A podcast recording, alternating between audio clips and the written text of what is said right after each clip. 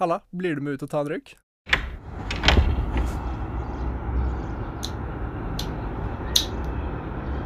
Hei, sjekk den trampolina der, da. For en genial idé å ha trampoline i bakgården. Skulle ønske jeg kunne trippelsalto eller baklengs eller begge, så kunne jeg imponert skikkelig nå. Hverdagen min består altfor lite av trampoline, og det føles som å være tilbake i hagen til Silje på videregående.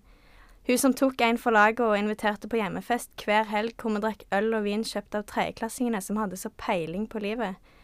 Fremtiden lå så langt fram at det eneste som betydde noe, var her og nå, for her skulle vi jo ligge for alltid.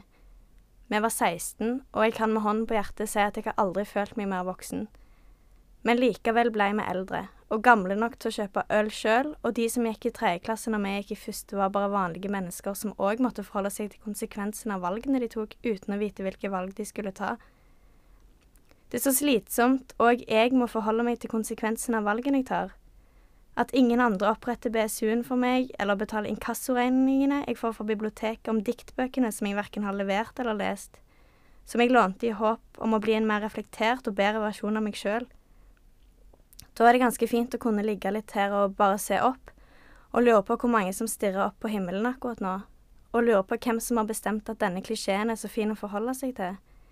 Og trøste meg sjøl med at stjernene sikkert heller ikke forstår Bukowski, men det tør jeg ikke fortelle resten av folkene her.